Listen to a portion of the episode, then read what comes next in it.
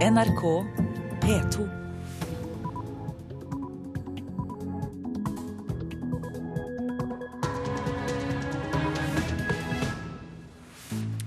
Og her ønsker Øystein Heggen deg velkommen til Nyhetsmorgen i P2 og Alltid nyheter. Du kan høre kommentarer til meningsmålingen som viser at flere velgere nå vil ha Erna enn Jens som statsminister. Venstre beskylder regjeringen for trenering når den utsetter evalueringen av sexkjøpsloven til etter valget. Obama avlyser møtet med Putin. Nyhetsmorgen søker etter svar på hvordan forholdet er mellom USA og Russland for tiden. Og vi kan by på hemmelig teater i stupbratt natur.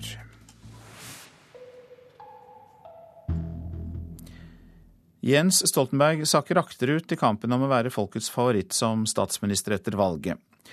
37,7% foretrekker statsminister Stoltenberg, viser NRKs måling for august. 42,1% vil ha Høyre-leder Erna Solberg. Jeg syns det er veldig hyggelig at så mange sier at de ønsker meg som statsminister. Jeg vet jo at det ikke er fordi det bare er spørsmål om meg. Det er først og fremst et spørsmål om at de ønsker en annen politikk i Norge. At de ønsker å se nye ideer og bedre løsninger. Sier Erna Solberg. For til tross for en liten tilbakegang i forhold til tilsvarende måling i juni, har hun fortsatt et forsprang på Stoltenberg. Men en eventuell flyttesjau for å innta statsministerboligen vil hun ikke snakke om. Nå snakker vi politikk, så tenker jeg ikke så mye på hvor jeg skal flytte eller annet. Det er faktisk eh, politikken som er viktig. I juni lå Stoltenberg 3,2 prosentpoeng etter Solberg. I augustmålingen fra Norstat har avstanden økt til 4,4. Det er 37,7% som mener at statsministeren fortsatt bør hete Jens Stoltenberg. Jeg er glad for at det er mange som støtter meg, men det jeg ser er at det er et eh, flertall i partimålingene for en annen regjering. Eh, og da er det min oppgave å drive valgkamp for det jeg tror på. Og jeg tror det er mye viktigere å trygge arbeidsplasser, bruke penger på skole, på helse, på omsorg enn å gi nye store skattelettelser til eh, de som har aller mest i Norge fra før av. Frp-leder Siv Jensen er også med i målingen. 6,8% mener hun er rett kvinne for statsministerjobben. Litt flere enn i juni. Det er veldig hyggelig at eh, det er en bedring også på det, men Fremskrittspartiet har vært veldig tydelig hele veien på at det er det største partiet på ikke-sosialistisk side som bør få statsministeren. Og vi tar med at 13,3% av de spurte er usikre. Reporter Katrin Hellesnes. Politisk kommentator her i NRK, Magnus Takvam. Vi hører altså at Jens Stoltenberg får mindre og mindre oppslutning. Er det en enkel forklaring at eh, det er en følge av partiets lavere oppslutning, eller har han selv fått noen riper i lakken? Jeg tror ikke årsaken til at de rød-grønne og Arbeiderpartiet sliter på meningsmålingene, knytter seg til Jens Stoltenbergs innsats. Hvis vi ser på popularitetsmålingene omkring statsministerkandidater, så har Stoltenberg falt fra eh, 43% til 40 til 37, altså sakte, men sikkert, nå fram til august. Eh, og det alvorlige for Stoltenberg og Arbeiderpartiet er nettopp det at det ser ut til at Arbeiderpartiet og Stoltenberg har en fallende tendens, og dermed uh, står ved starten av innspurten til den intense valgkampen overfor en formidabel innhentingsoppgave. Hvilken virkning kan det ha nettopp på valgkampen at uh, det er en uh, nedadgående trend der? Det er klart at det lett kan demobilisere og demotivere eh, egne medlemmer internt i f.eks. Arbeiderpartiet. Men så vet jo alle at eh, et meget viktig delmål for Arbeiderpartiet er eh, gjennom dette valget å fremdeles være Norges største parti, og ikke overlate den tronen til Høyre for å ha en sterk posisjon i senere mulige maktovertagelser for Arbeiderpartiets del. Så det virkelige dramatiske scenarioet for eh, Stoltenberg og Arbeiderpartiet er et dobbelt nederlag. Altså både å tape regjeringsmakt og å bli detronisert som, som det ledende partiet. Hva har så Erna Solberg gjort riktig for å oppnå den posisjonen hun nå har blant velgerne?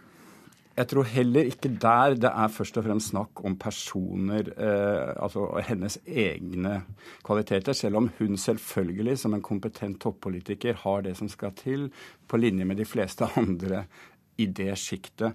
Eh, bare for å gi en liten tilbakeblikk på det.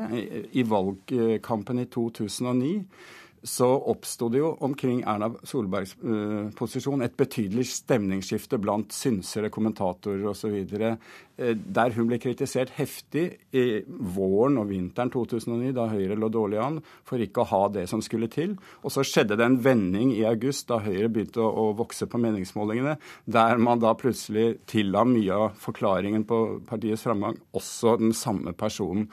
Det betyr at det er altfor enkelt å knytte denne typen svingninger til personspørsmål.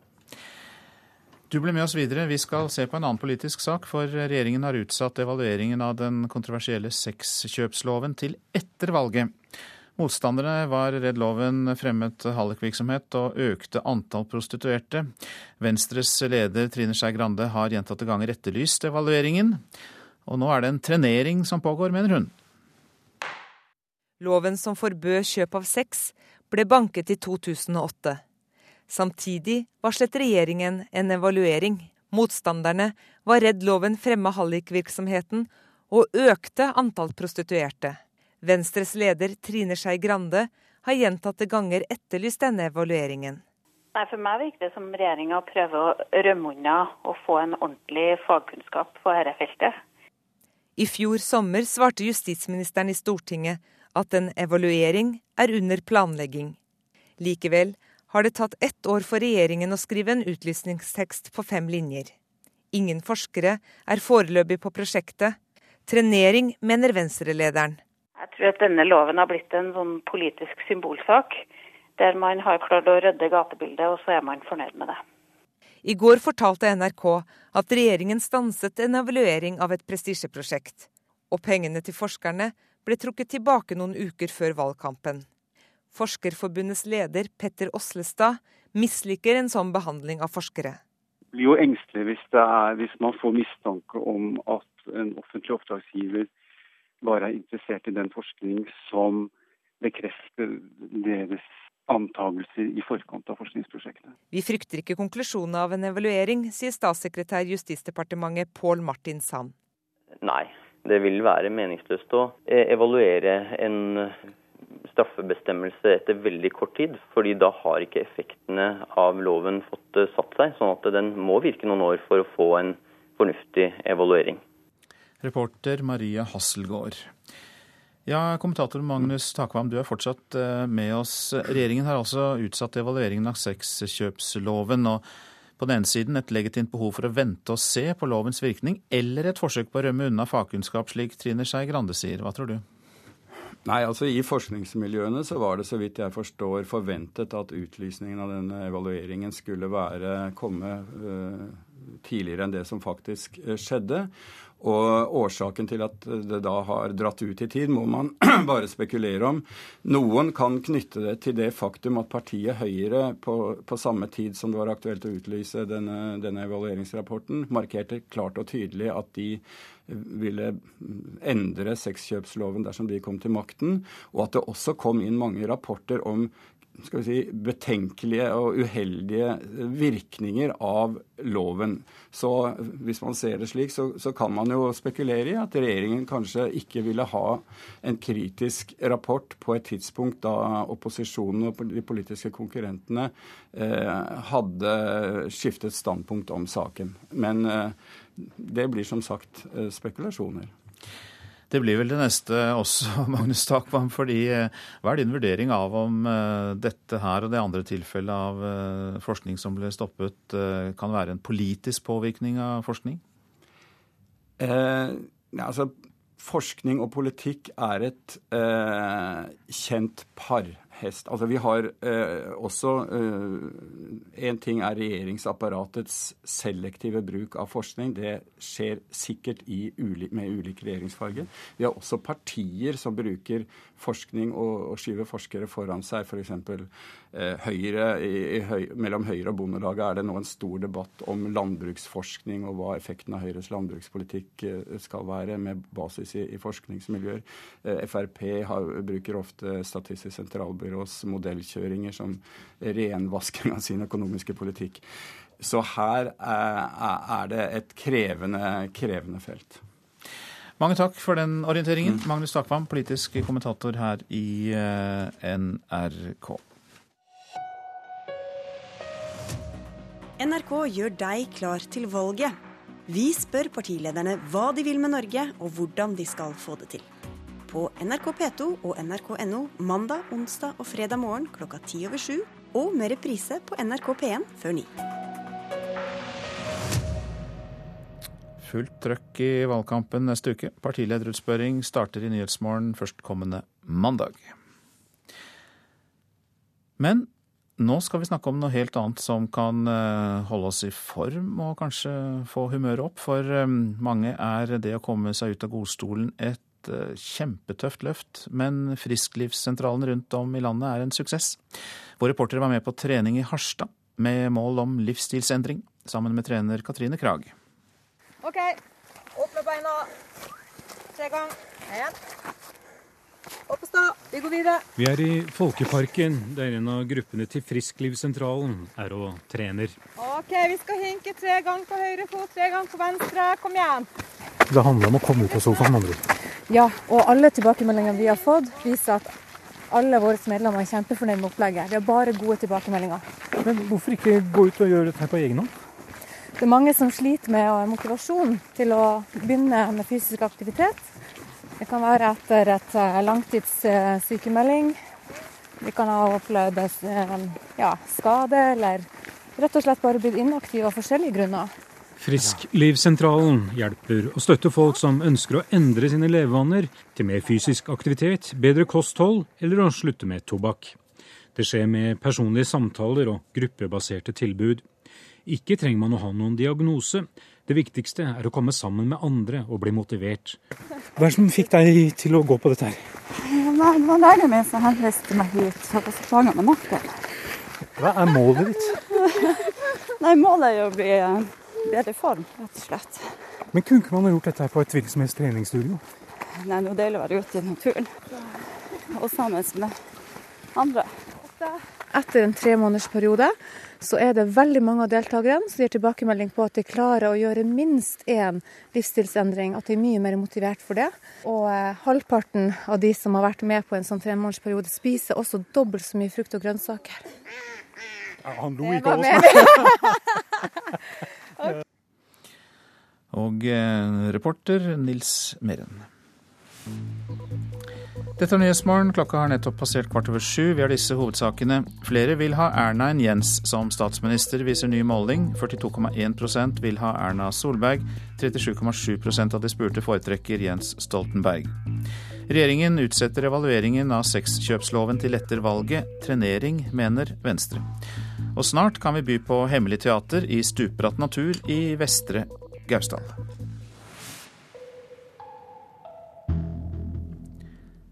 Men først om at USAs president Barack Obama avlyser møtet med Russlands president Vladimir Putin i september. Under talkshowet til Jay Leno i TV-kanalen NBC sa Obama klart ifra at han er skuffet over at Russland har gitt eh, asyl til varsleren Edward Snowden. Were you surprised that Russia granted Snowden uh, uh, asylum? I was disappointed mm-hmm. uh, because you know, even though we don't have an extradition treaty with them. Uh, traditionally, we have tried to respect if there's a lawbreaker or an alleged lawbreaker uh, in their country. Med oss i studio er russlandsforsker ved NUPI Jakob uh, Godzimirski. God morgen til deg. God morgen. Og statsviter ved Universitetet i Oslo, Asle Toje, er med på telefon. Eh, vi tar med oss deg først, Toye. Kom det som en overraskelse at Obama avlyste møtet? Eh, ja, det må sies. Eh, jeg tror at eh, man hadde ganske lave forventninger til dette, til dette møtet. Men allikevel så, så, anses det som en ganske sterk reaksjon fra Obamas side gå så langt eh, å avlyse møtet. Og det kan, kan oppleves fra russisk side som, som en ganske sterk korreks fra Washington. Hvordan tolker du den i forholdet mellom USA og Russland? Jeg tror at man skal vokte seg for å lese for mye inn i denne, inn i denne korreksen. Eh, som diplomatiske reaksjoner går, så er dette en relativt mild reaksjon. Eh, eh, USA og Russland har hatt eh, sine, sine vansker eh, også før i tiden. og eh, I det lange forholdet så er dette her en, en ganske liten fartsdump. Goltsimirski, er du enig? Jeg deler i en veldig stor grad Tøyes vurdering. Dette må ses i en større sammenheng. Det er snakk om to tidligere supermakter, egentlig en supermakt som fortsatt er supermakt, og en tidligere supermakt. Og dette forholdet har alltid vært forholdsvis vanskelig. Hvilken nytte kan Russland ha av Snowden, hvis de i hele tatt har noen nytte av ham, Gotsimiski? Det er sikkert at han kan gi fra seg en del opplysninger som russiske tjenester kan være interessert i, men det er først og fremst en slags propagandaverdi Snowden har. Putin sier jo han er skuffet over at Obama avlyser møtet, og at invitasjonen til Moskva fortsatt er eh, åpen. Hvordan skal vi tolke det, Gotsiminski? Putin har vist en viss interesse i å gjøre det forholdet litt bedre. Han har f.eks. sagt i forbindelse med Snowden-saken at Snowden får lov til å oppholde seg på russisk territorium under forutsetning at han ikke kommer til å skade amerikanske interesser mens han, mens han er der. Så det er et veldig tydelig tegn på at Putin ikke er interessert i å uh, gjøre dette forholdet enda vanskeligere. I tillegg så må man og så si at disse to skal faktisk møtes under dette møtet i St. Petersburg. Så det er ikke slik at de ikke kommer til å snakke med hverandre. G20-møte der, ja. ja. Nettopp. Ehm, vi skal her høre et eh, lite klipp til eh, fra dette talkshowet med Jay Leno, som, eh, som Obama var med på. Han beskyldte Russland for å bruke kald krig-retorikk.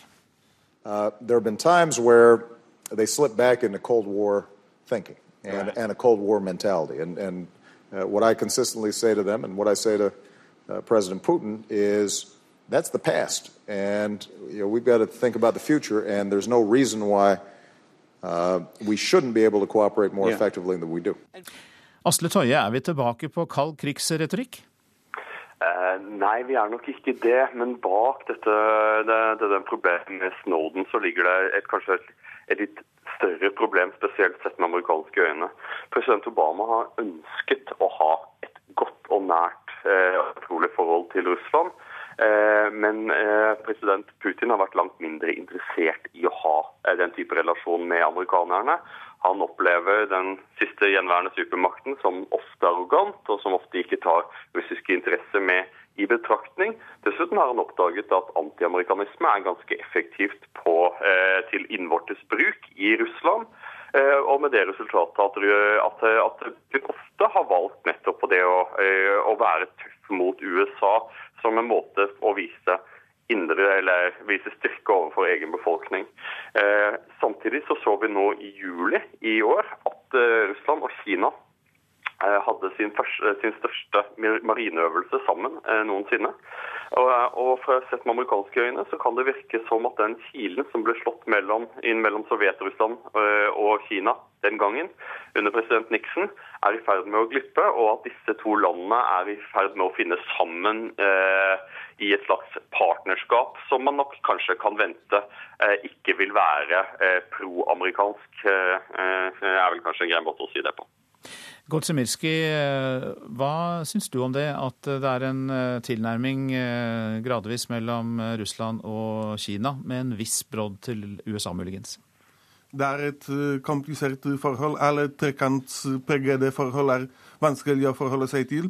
Og denne tilnærmingen mellom Russland og USA er en ting som har skjedd allerede i 1996, da Russland fikk en eh, utenriksminister Evgenij Primakov som satset på en såkalt multipolarisme. Det vil si å søke tilnærming med andre stormakter for å motbalansere amerikansk makt globalt.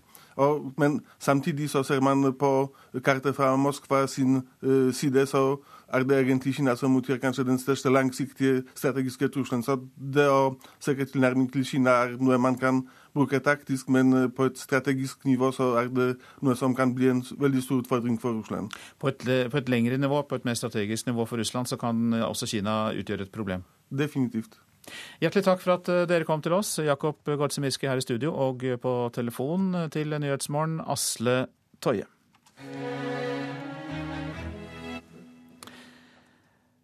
Vi eh, holder oss eh, litt til Obama i den forstand at vi har fått inn en melding om at statsministrene i de eh, andre nordiske landene også får møte Barack Obama når han besøker Sverige. Det er det baltiske nyhetsbyrået BNS som sier det.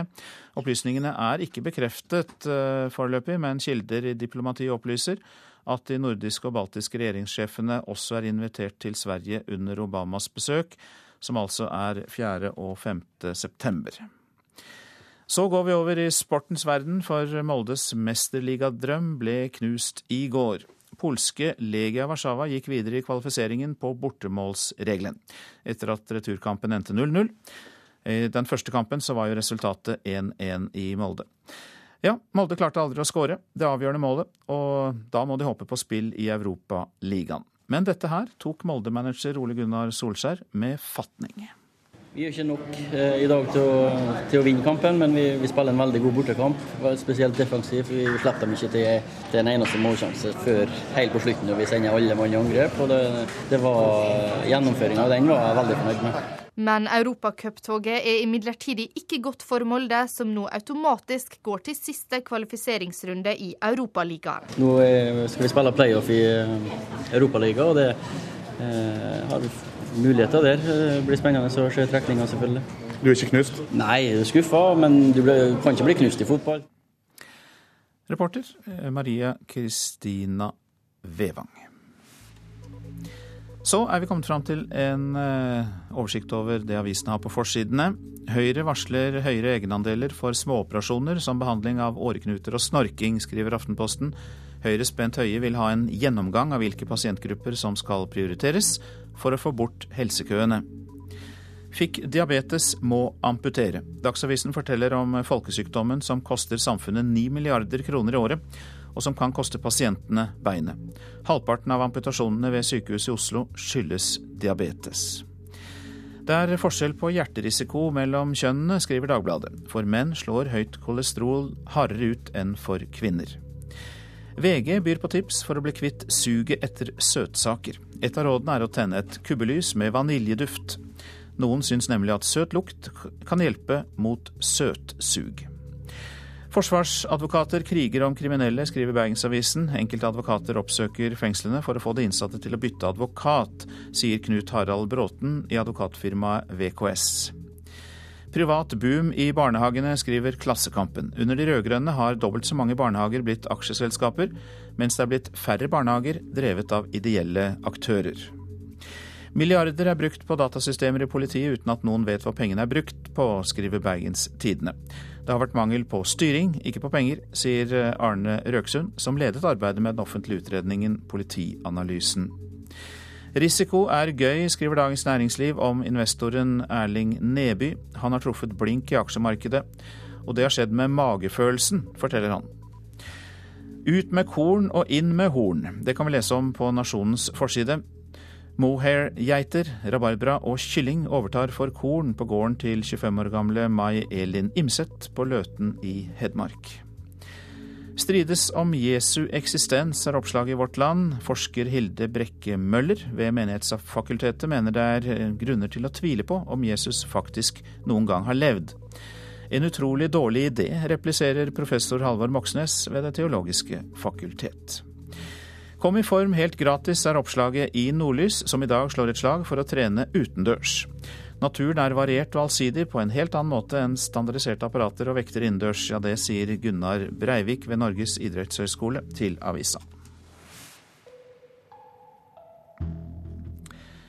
I 30 år har Det Hemmelige Teater spilt uannonserte forestillinger utenfor allfarvei. Likevel så kommer flere og flere for å se på. I kveld har Det Hemmelige Teater premiere på Jeppe på Bjerget av Ludvig Holberg i stupbratt natur i Vestre Gausdal. Jakob! Jakob Skomaker! Det er jo et teater eh, for spesielt interesserte, naturligvis. Sier Audun Gjermstad, teaterentusiasten som starta Det Hemmelige Teater i Vestre Gausdal i 1983. Her er damekostymer, herrekostymer.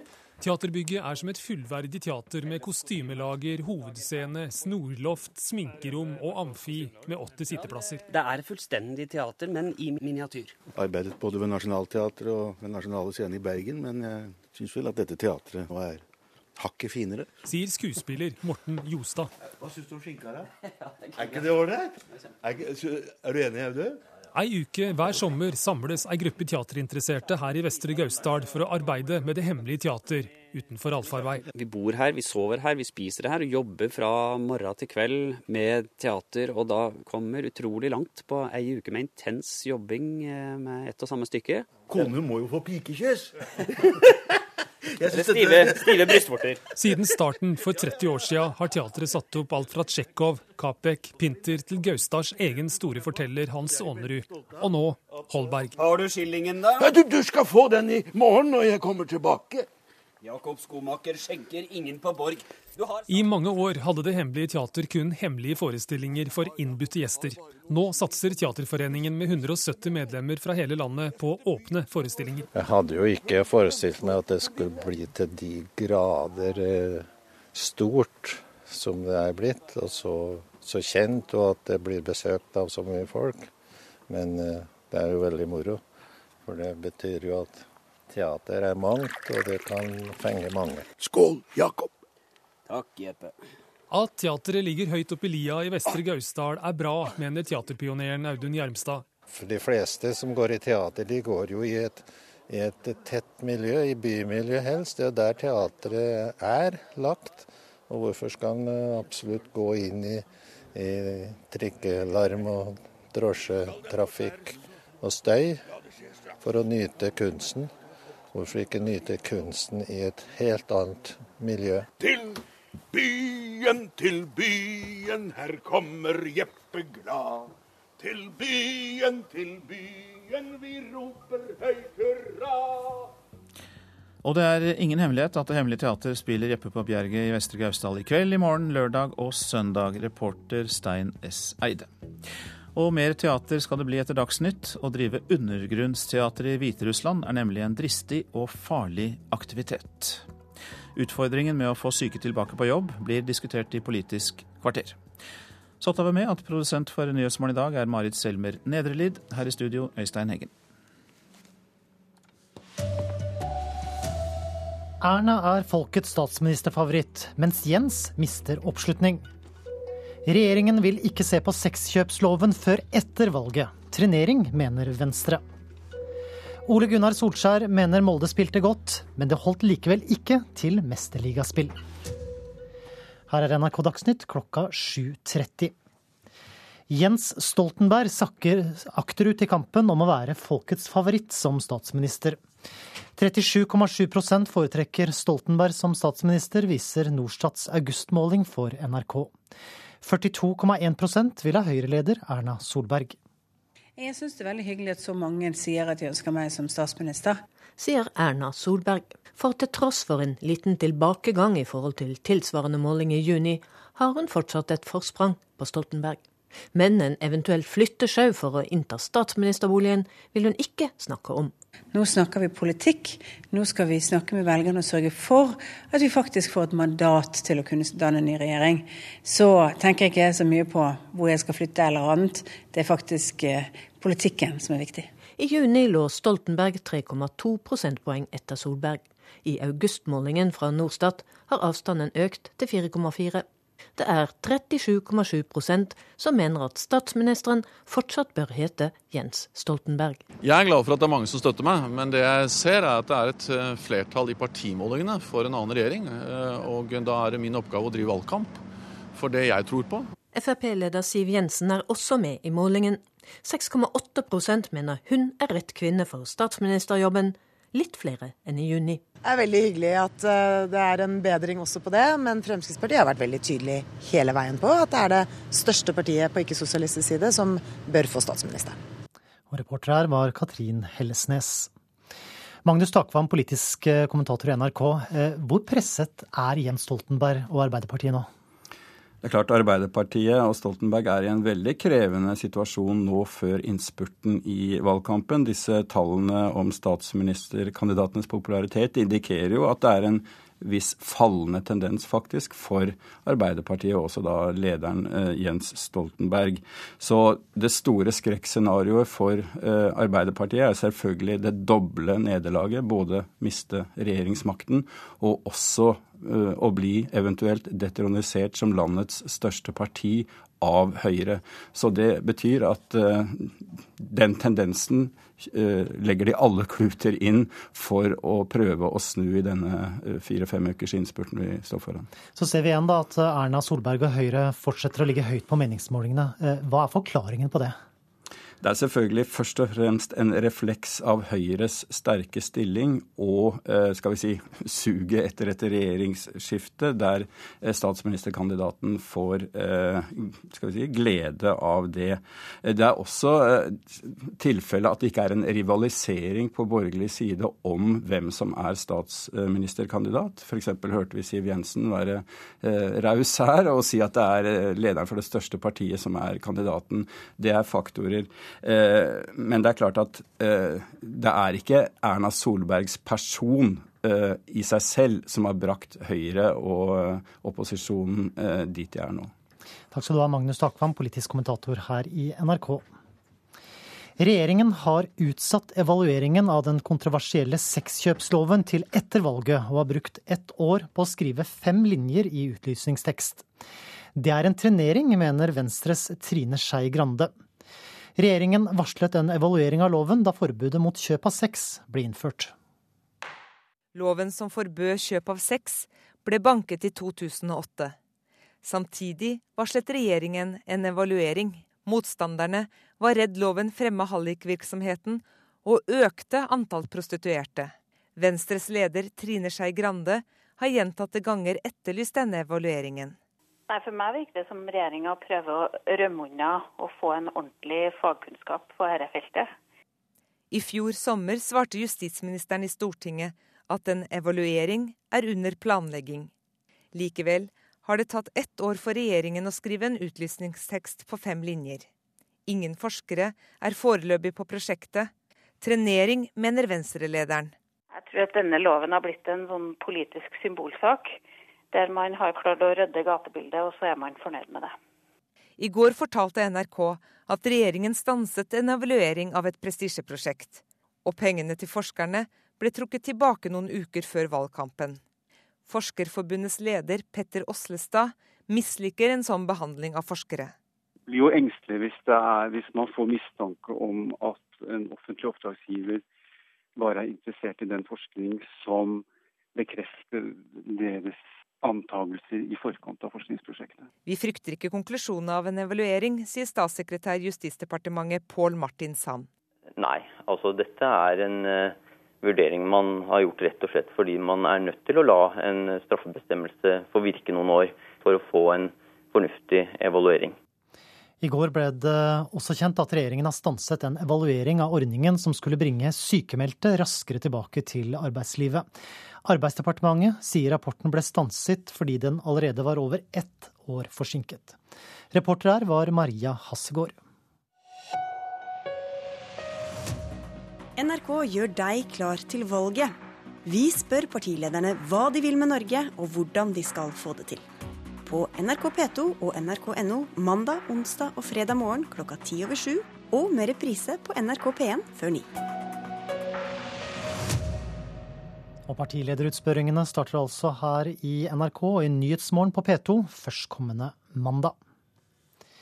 Opptil 35 000 slanger lever ulovlig i Norge. I Norge er det i utgangspunktet forbudt å ha slanger og øgler.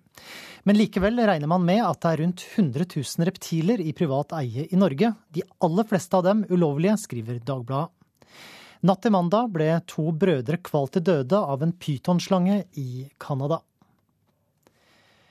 Øyafestivalen får i år besøk av om lag 50 representanter for internasjonal musikkpresse. Ikke alle med like stor innsikt i norsk musikkliv, men med høye forventninger. Well, last night I saw Tremoro Tarantira at Blur, and it was their third ever gig, and they were mind-blowing. John Doran skriver for det London-baserte internettmagasinet The Quietus, og har til tross for smått uforståelig uttale av norske bandnavn, god innsikt i og store forventninger til Øyafestivalens program. I tillegg til Chemoro Taranturo, som han så på Blå tirsdag kveld, ser han spesielt fram til. Um, uh, overall, I guess, like uh, any opportunity to see Mayhem play live in Oslo.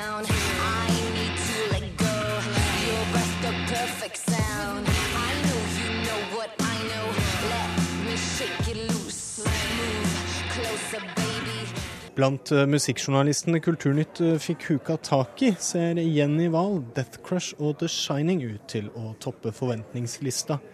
Well, Shining live is a is an interesting combination of kind of musical prowess, kind of heavy metal, jazz, and getting your ears pounded and your chest pounded as well at the same time.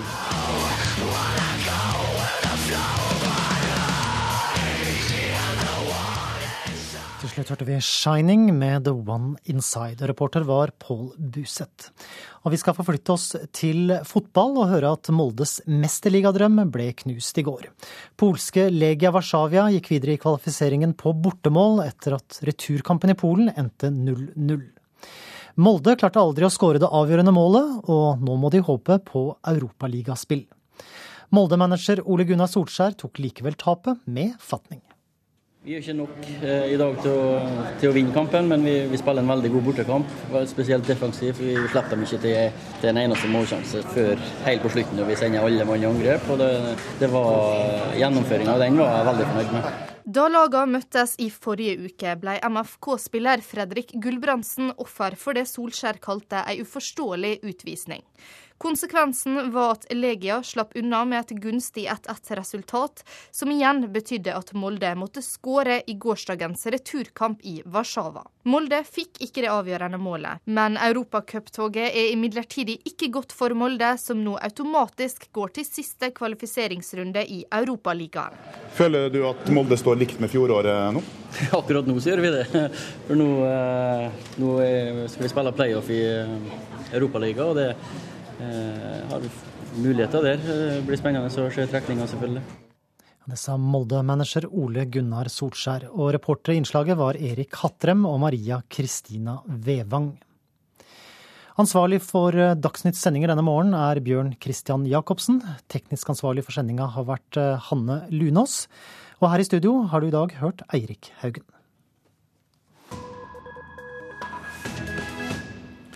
Dette er P2s Nyhetsmorgen.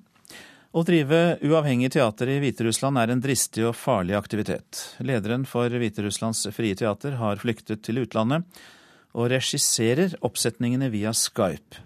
Staben blir fortløpende trakassert av politiet, og forestillingene blir kunngjort gjennom munn og øre. Det minner lite om en teaterbygning, skuret som huser Hviterusslands frie teater. I skarp kontrast til monumentale fasader med søyler og stas vi ellers ser for oss der fru Thalia byr oss velkommen. Her er inngangspartiet til Friteatret i utkanten av Minsk. Ei hangledør på hjørnet av et nedslite bakgårdshus med rustent blikktak. Og innenfor døra er det tilsvarende mangelfullt for de som ser etter scenetepper i velur og lysekroner i krystall. Men det er ikke den slags som betyr noe for tilskuerne, som Julia.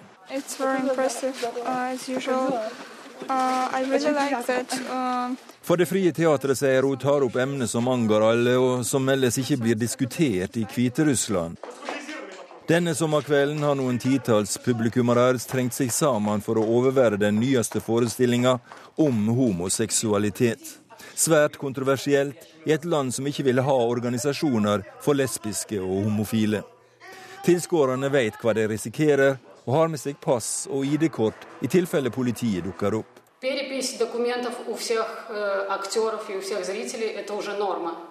At politiet dukker opp er blitt rutine også for publikum. Tidligere var tilskuerne nervøse for hva som kom til å skje, sier nestlederen for teatret Svetlana Sugako.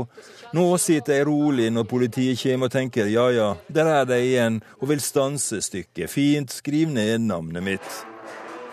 Siden teatret ble stifta i 2005, har etter hvert sju skuespillere flykta fra landet i frykt for arrest. Og de seks som utgjør gruppa i dag, lever under heltids overvåking og regelmessig trakassering av styremaktene. Здесь пригласили зрителей, и где-то минуте на десятой Skuespilleren Kiril Konstantino forteller hvordan opprørspolitiet storma inn i den vesle teatersalen under en framsyning av filmen 'Europas siste diktator', underforstått Hviterusslands president Aleksandr Lukasjenko. Hvordan publikum ble pressa opp mot veggene, hender og føtter vidt spredde, og de uten forklaring sett på håndjern og tatt til politistasjonen. Lederen for teatret, Vladimir Sherban, ble truga så kraftig under presidentvalget i 2010 at han flykta. Sherban bor nå i London, styrer øvingene og regisserer via Skype, og ser forestillingene på PC-en sin. Mens assistenten Svetlana nokså regelmessig må ta veien til byretten for å betale bøter etter de påståtte lovbruddene til teatret.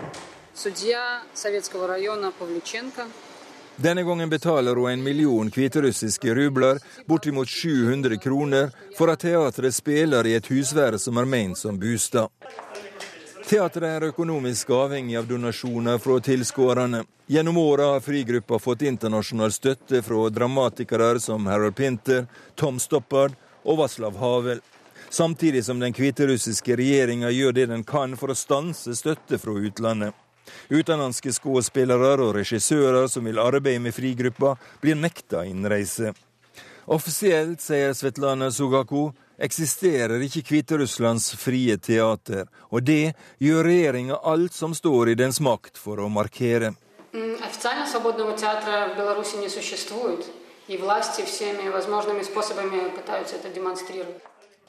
Reportasjen var laget av Gunnar Myklebust. Dette er hovedsakene i Nyhetsmorgen. Flere vil ha Erna enn Jens som statsminister, viser ny måling. 42,1% vil ha Erna Solberg. 37,7% foretrekker Jens Stoltenberg. Regjeringen utsetter evalueringen av sexkjøpsloven til etter valget. Trenering, mener Venstre. Uavgjort var ikke nok. Det blir ikke mesterligaspill på Molde etter fotballkampen mot Legia Warszawa i går. Regjeringen har avbrutt et forskningsoppdrag eh, om virkning av tiltak for å, få folk tilbake i arbeid. og Det skal vi høre mer om hos deg, Politisk kvarter, programleder Bjørnbø. Bjørn Bø. Ja, vi spør rett og slett om regjeringa ikke liker resultatet av forskninga. Og så skal vi resonnere om politiske meningsmålinger.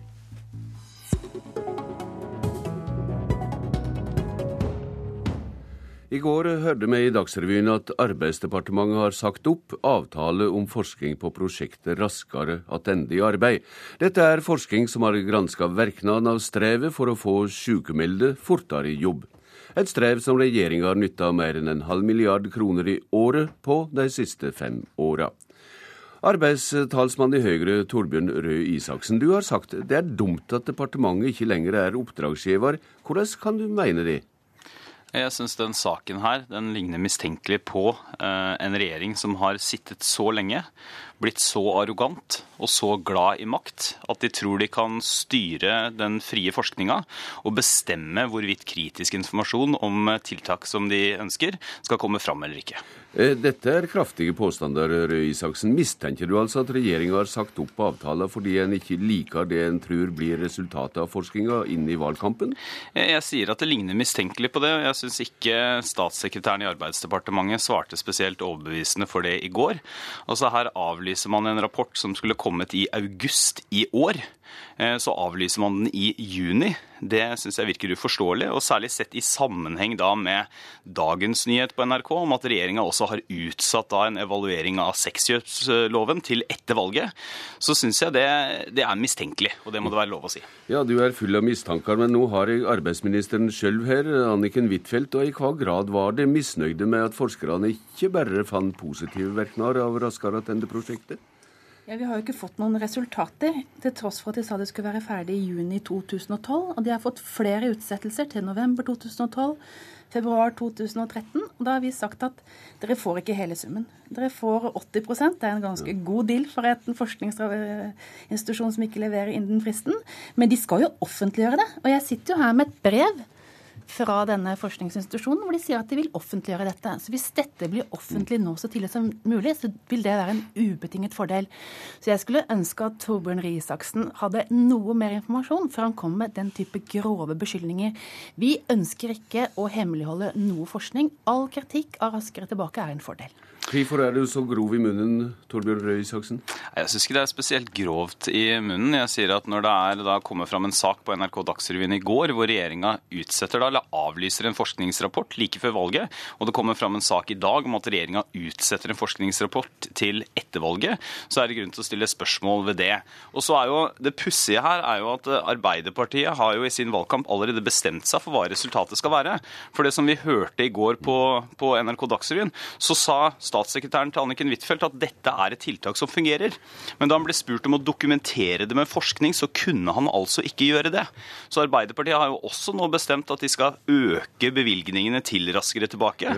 I valgkampen gjør det til et valgkampstunt med en konkurrerende konkurrerende mediehus til stede, men altså uten å vite om tiltakene fungerer. Og så vil jeg bare til slutt si at Det er altså ikke Anniken Huitfeldt som har bestemt at dette skal offentliggjøres. Det har Forskningsinstituttet selv Mm. sagt, at på tross av at departementet har avlyst eh, sin bestilling, så kommer de til å offentliggjøre det. Ja, eh, Huitfeldt, eh, det vil videreføre prosjektet. I hva mon tykker det det har god nok dokumentasjon som grunnlag for de. Det vil i hvert fall være feil, slik Røe Isaksen nå antyder, at vi skal kutte disse 500 millioner kronene. Over 20 000 pasienter i året som kommer raskere fram i køen, fordi at vi mener at dette har god effekt. Vi har en gjennomgang fra Helsedirektoratet, og den sier at når det gjelder konkrete ortopediske lidelser, så, så fungerer ordningen. Der vi er noe mer usikre, er ved diffuse lidelser. Og Det som har vært hele tiden diskusjon i denne ordningen, har jo vært er det riktig at folk som er i arbeid, skal komme raskere fram i køen enn de som står utenfor arbeidslivet. Men vi ønsker å ha sagt til Iris hele tiden at vi ønsker disse resultatene. Vi trenger det. Jeg har ikke noe prestisje knytta til Raskere tilbake, og vi ønsker hele tiden å forbedre denne ordningen. Men, men Her har gjerne Huitfeldt, som har forskerbakgrunn, sjøl gode argumenter, Røe Isaksen? Jeg, jeg, jeg tror ikke det at uh, Huitfeldt har forskerbakgrunn selv gjør henne til noe bedre egnet til å vurdere denne situasjonen. Altså, det, fakta på bordet her, det er at rapporten skulle komme i august. Det er en svær Nei, det- dette er feil. Dette er svær, Dette er feil. Dette er svær eh, hvis jeg bare, eh, Det var det som kom fram på ny, Ja, nyhetene i går, i hvert fall. At den skulle da komme og foreligge 28. august i år. Eh, Og at alle utsettelser var klarert. Og så er da spørsmålet er, Saken er jo at i 2010 så fikk vi en delvis evaluering av Raskere tilbake. Og Den viser at den modellen Høyre ønsket, nemlig at man kjøper raskere helsebehandling for pasientene, den fungerte bra. Mens resten var det usikkerhet om. Og så har man da hatt et svært prosjekt som regjeringa nå har avlyst. og det er klart, du får jo ikke vurdert resultatene av politikken din hvis du ikke vil betale et forskningsmiljø for å gjøre det. Og så er det jo, og så synes jeg også Huitfeldt burde svare på, hvis hun ikke har noe prestisje i saken, hvorfor er det da sånn at eh, dette, det, denne avlysningen kommer den tilfeldigvis da en uke etter at dere bestemte dere for å gi mer penger til et tiltak som ikke er evaluert? Torbjørn Isaksen skal lære deg en ting om gjennomføringskraft. At du, hvis du skal få gjennomført ting i politikken, så må du sette deg frister. Og det bør få konsekvenser hvis frister brytes. De hadde frist til juni 2012. De leverer ikke. Så får de nye frister november 2012. Leverer ikke. For nye frister februar 2013. Leverer ikke. Det går tre måneder, og da sier vi vi ønsker at dette skal offentliggjøres, men dere får 80 Tenk deg en byggherre, da, hvor huset ikke står ferdig, og du likevel får 80% av summen. Det er en ganske god deal. Vi trenger all den informasjonen om dette prosjektet, for vi ønsker stadig å forbedre ordningen. Men, men, jeg synes, men Huitfeldt, jeg bare, hvis jeg bare kan få en veldig kort kommentar, eh, Bjørnbø. Ja, og den, den er så kort som at minst like viktig for gjennomføringskraft, så er det at når man bruker 5 milliarder kroner av skattebetalernes penger, så tar man seg tid til å evaluere om det fungerer eller ikke. Og det har dere altså avlyst. Det er greit, og da hopper vi vekk fra datoene her og spør deg, Røe Isaksen, i hva grad mener du at det hadde vært rett å satse på andre tiltak i det som heter inkluderende arbeidsliv? Nei, Vi har faktisk støttet eh, Raskere tilbake, og vi har Mhm. bevilget penger til det. Og så har vi en annen modell for det enn det regjeringa har. For det vi har brukt mesteparten av pengene på, for å si det veldig enkelt, kjøpe folk ut av de lange helsekøene og gi dem privat behandling isteden. Og det er dokumentert at fungerer, i hvert fall fungerer ganske bra. Men, men, men vi, vi, vi kan jo ikke fortsette å bruke penger på tiltak som ikke fungerer. Det er nettopp derfor vi trenger en evalueringsrapport. Det er kanskje her kjerna i motsetningene er, Huitfeldt. Det er om metodene i eh, dette prosjektet. Nei, Vi ønsker å bruke også veldig mange private helseinstitusjoner, og mange kommer jo raskere inn i helsekøen pga. det. Men jeg vil si til Torbjørn Isaksen at dette har vært en ordning det har vært stor grad av tverrpolitisk mm. enighet om. Og det er altså 27 000 mennesker som benytter seg av denne ordningen. Jeg vil advare veldig sterkt mot det han nå sier, at vi skal kutte pengene. fordi at vi har, vi har også en faglig gjennomgang av det fra Helsedirektoratet, ja, som viser at det er veldig mye bra. Og vi har fått noen rapporter fra Iris som viser at eh, arbeidsgivere, arbeidstakere og fastlegene Nav er fornøyd med ordningen. Slik at det vil være helt galt å kutte dette ja, prosjektet fordi at denne forskningsrapporten blir noe mm. forsinka. Jeg, jeg håper at denne er ferdig nå i, i, august. Da vil vi ta med oss dette i arbeidet med en ny avtale. Eh, jeg må gjøre oppmerksom på at Røe Isaksen sitter i et studio i Porsgrunn, og derfor så har han litt vansker med å bryte seg inn i debatten her. Men uh, Røe Isaksen, ja, hvor mye vil du utnytte dine mistanker imot uh, Arbeidsdepartementet i valgkampen? Bare for å si det først, at Hvis ordningen fungerer, så skal vi selvfølgelig ikke kutte den. Jeg er veldig for å bruke penger på, og Høyre er veldig for å bruke penger på ting som får folk raskere tilbake til jobb. Men vi må da altså vurdere det. Og Når det er sagt, så har vi faktisk brukt mer penger på denne ordningen i de eh, årene som har vært, enn det regjeringa har gjort. Men det betyr jo ikke at vi ikke skal finne ut om den fungerer eller ikke. Og Det er det som er denne diskusjonen. Og så hadde du et spørsmål i hvor stor grad vil vi kjøre dette mot regjeringa. Altså, nå er vi midt i et valg. Og jeg synes bare når det kommer to meldinger på NRK i løpet av 24 timer, eh, som kan virke som, i hvert fall fra utsiden, som om regjeringa da har forsøkt å unngå ubehagelige konklusjoner fra forskningsrapporter, så, så er det mistenkelig. Eh, og jeg mener da at det kanskje kan tyde på Trass i at statsråden her avviser eh, dere, dine mistanker? Ja, jeg, jeg, har blitt, jeg, har ikke blitt, fullt ut betrygget. Og hun har jo heller ikke da kommentert den andre saken i dag, hvor det kommer fram at de Nei, også utsetter en annen rapport. Det er et annet departement de må gjøre oppmerksom på. Ja, ja det, det, er jeg klar over, men det er allikevel samme regjering som har sittet i åtte år. Det er mye diskusjon om svartmaling i denne valgkampen. Men jeg tror at etter at denne omgangen av Politisk kvarter, så leder i hvert fall Høyre 1-0 i løpet av denne dagen. For maken til mistenkeliggjøring når det legges fram brev, dokumentasjon på at her er det frister som er brutt, og ikke vi som ønsker å hemmeligholde noen forskningsresultater. Disse trenger vi. Det har jeg ikke vært borti når det gjelder Torbjørn Røe Isaksen. Du var så vidt innom det, Røe Isaksen. Inkluderende arbeidsliv er det altså tverrpolitisk semje om. Men det er tinginger om en ny avtale nå. og Kan innholdet bli endra når det eventuelt blir et uh, nytt regjeringsflertall etter valget? Ja, altså Avtalen om inkluderende arbeidsliv vil, vil, måtte endres uansett, For det er veldig mye der som ikke fungerer. Der har vi jo faktisk forskning. Og det naturlige da er at man forsker, finner ut hva som fungerer, og så kutter man ut det som ikke fungerer, og så gjør man mer av det som fungerer. Da sier vi at valgkampen går videre. Takk til Anniken Huitfeldt og Torbjørn Røe Isaksen.